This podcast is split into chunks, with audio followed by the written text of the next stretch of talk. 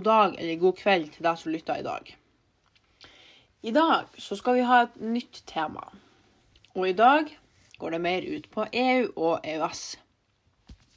Dagens spørsmål er Bør Norge bli med i EU, eller trekke seg ut av EU og EØS, eller bare holde seg inni EØS?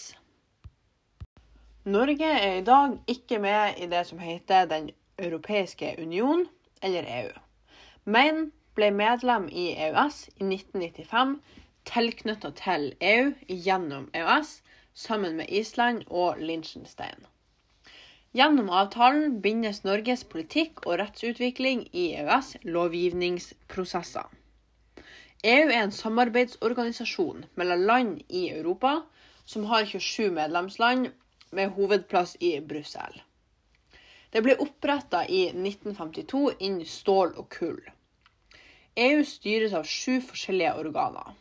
Disse organene er Europaparlamentet, Det europeiske råd, Rådet, Konsilium, eh, EU-domstolen, Europakommisjonen, Den europeiske sentralbanken og Revisjonsrådet. Beslutningene som blir tatt i EU, former en offentlig politikk på mange viktige områder.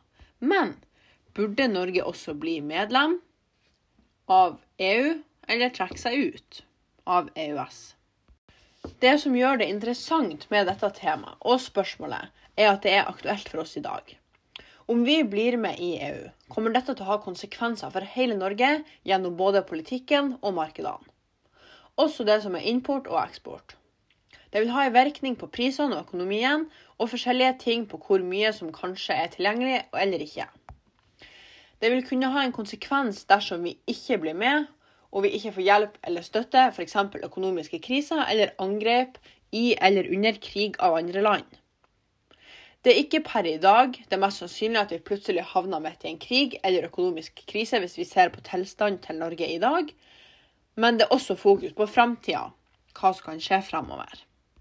Men hvorfor har vi egentlig EU? Hvorfor finnes det, og hva er det de gjør? Jo, formålet med avtalen er å få styrka det økonomiske forholdet mellom EØS og EU-landene. Avtalen skal gi fri tilgang på det indre markedet, og sier at de nasjonale hindrene skal ikke stå i veien for fri flyt av tjenester, kapital, arbeid og varer, som vil si at alt mellom EU-landene skal kunne flyte fritt seg imellom tillegg har det den som bestemmelser i miljøvern, likestilling og forbrukerbeskyttelse. Ok, men så er spørsmålet hva har Norge med dette å gjøre, når vi ikke er med? Jo, Norge har sjøl ikke en direkte stemmerett gjennom EØS-avtalen i EØS, besluttende organ. Men vi er representert gjennom EFTA-pilaren. EØS-strukturen består av to hovedsøyler.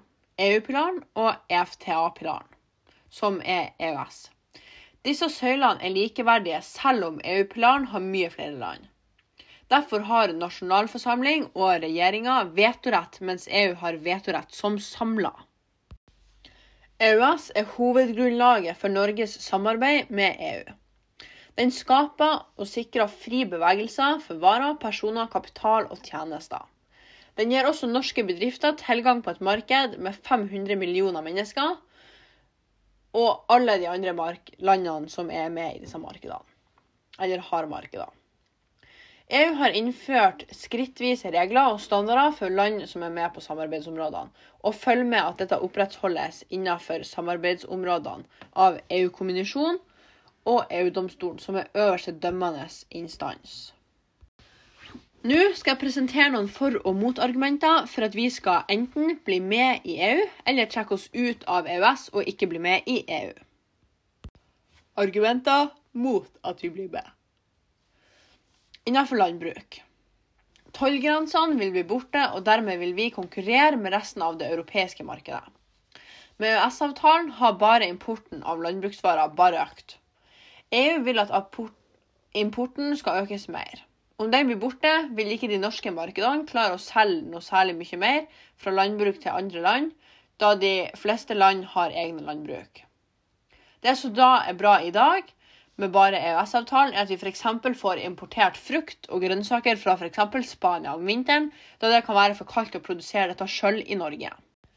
Innenfor fiskeri. Selv om akvarpolitikken og forvaltning av fisk er ikke en del av EØS-avtalen, har det stor betydning for Norge.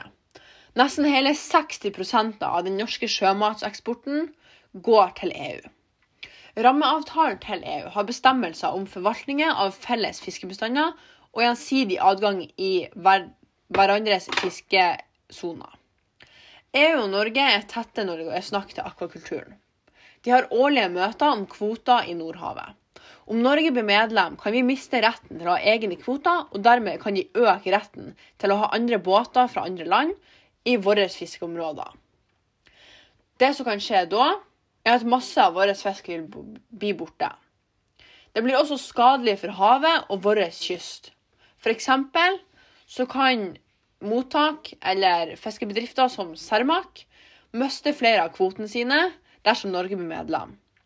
Da mister Norge store deler av inntekta si der de har i f.eks. private fiskebedrifter. Olje- og energimarkedet. Nesten 90% av oljeproduksjonen i Norge selges til EU-markedet, og nesten all norsk gass blir levert gjennom gassrørledninger i Europa. Norge har i tillegg både en del av det nordiske og det europeiske kraftmarkedet. Pga. EØS er Norge med i det indre EU-energimarkedet. EU er Norges største handelspartner på energiområdene. Energiunion og tilhørende endringer i regelverket i EU påvirker Norge, også fordi at regelverket i EU utvikler i stor grad norsk rett gjennom EØS-avtalen.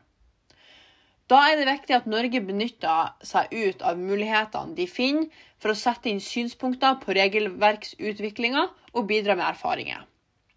I denne sammenhengen er det best at vi beholder avtalen med EØS og ikke trer ut, men heller ikke inn videre i en EU-avtale. Om Norge blir med i EU, er det ikke helt klart hva som vil skje med energimarkedet. Det, det vi vet, er at hele EU vil få mer kontroll over regelverket og ressursene vi har her i Norge, inkludert gass, olje og energi. EU kan da f.eks. trene i Norge og bygge ut disse ressursene uten at Norge har tjent så godt på det. Derfor er det greit at det er slik som vi har det nå. Um, da EU er Norges største handelspartner i dette tilfellet, og vi ser derfor at vi er så å si avhengig av dem for at de skal kunne kjøpe våre ressurser, men at vi samtidig sjøl kan på en måte bestemme hva dette vil koste. Samtidig, som sagt, er det veldig viktig at vi kan komme inn med forslag og erfaringer for det som utvikles innenfor dette feltet, da det er Norge som har erfaring om det som kan utvikles innenfor våre grenser. Nå skal jeg komme med noen eksempler for at vi skal bli med. EU-fellesskap. EU-fellesskap fremmer europeiske kultur gjennom f.eks. utvikling, språkmangfold og støtteordninger. Utveksling vil si at f.eks. ungdommer som er like gamle som det vi er nå, altså 17 år, kan dra til andre land og studere eller være på sommer, der de møter andre land fra EU f.eks. Uh, og er på ferie der og lærer litt mer om kulturen i det landet de er i. Dette er veldig bra, for da kan man lære litt mer om hverandre. Også å få blanda litt av språkene. Da kan også verdier av likebehandling, ytringsfrihet og bærekraftig utvikling være grunnleggende for EU-samarbeid. Dette kan være en god måte på å få bedre forståelse for andres tro, religion og levemåte. Det å komme inn hos andre eller i andre land for å se på kultur kan sette sammen en sammenheng. Det som er bra for EØS, er at vi allerede har bra ordninger, f.eks. språkreiser og ordninger som f.eks. Redd Barna, som er en ordning for barn i andre EU-land. Som fattig eller mangel på vikt, livsviktige grunnbehovene. Fred og frihet. Landene som har vært fiender, er litt gjennom EU knytta sammen nå. Hvor soldater før møttes på slagmarken, møtes nå studenter fra hele Europa. Da det er 500 millioner borgere som sjøl kan velge hvor de vil studere, jobbe og handle. EU er et solidaritetsprosjekt som utjevner noen av forskjellene på rike og fattige medlemsland. Med utvidelsen har 13 nye medlemsland fått tilgang på forskjellige støtteordninger og blitt likeverdig i EU-samarbeid.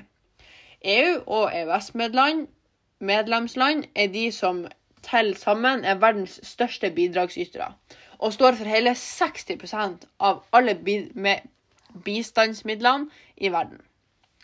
EU jo også den internasjonale aktøren som skiller humanitær bistand fra alle andre typer bistand. Min mening og min konklusjon. Jeg mener at det kan være vanskelig ut ifra eget ståsted å mene noe om dette, da det er forskjellig utfall om vi blir med eller ikke. Det ser da ut som at utfallet blir at vi er med på mange plasser på politikken, vil bli påvirka, og markedene våre vil også bli veldig sterkt påvirka. Min personlige mening er da at jeg ikke ønsker at vi skal bli med i EU, der det er en stor sjanse for at de kan ta over eller gradvis ta mer og mer av de viktigste kildene vi har, som f.eks. fiskeindustrien og olje- og energiindustrien, da dette er kilder Norge tjener veldig masse på. Det er greit at vi fortsetter å være i EØS-avtalen, da det hjelper oss med noen fordeler, og at vi fortsatt kan ha en liten stemme i Europa, selv om at vi ikke er med. Men sjøl syns, jeg at konsekvensene om vi blir med, i forhold til om vi ikke blir med, er for stor til at det er vits å bli med. Politikken i dag fungerer greit da regelverk blir fulgt gjennom EØS-avtalen og EUs regler. Gjennom EØS har vi allerede fått mindre redusert krig, og det virker egentlig som at det fungerer veldig bra sånn som det er nå.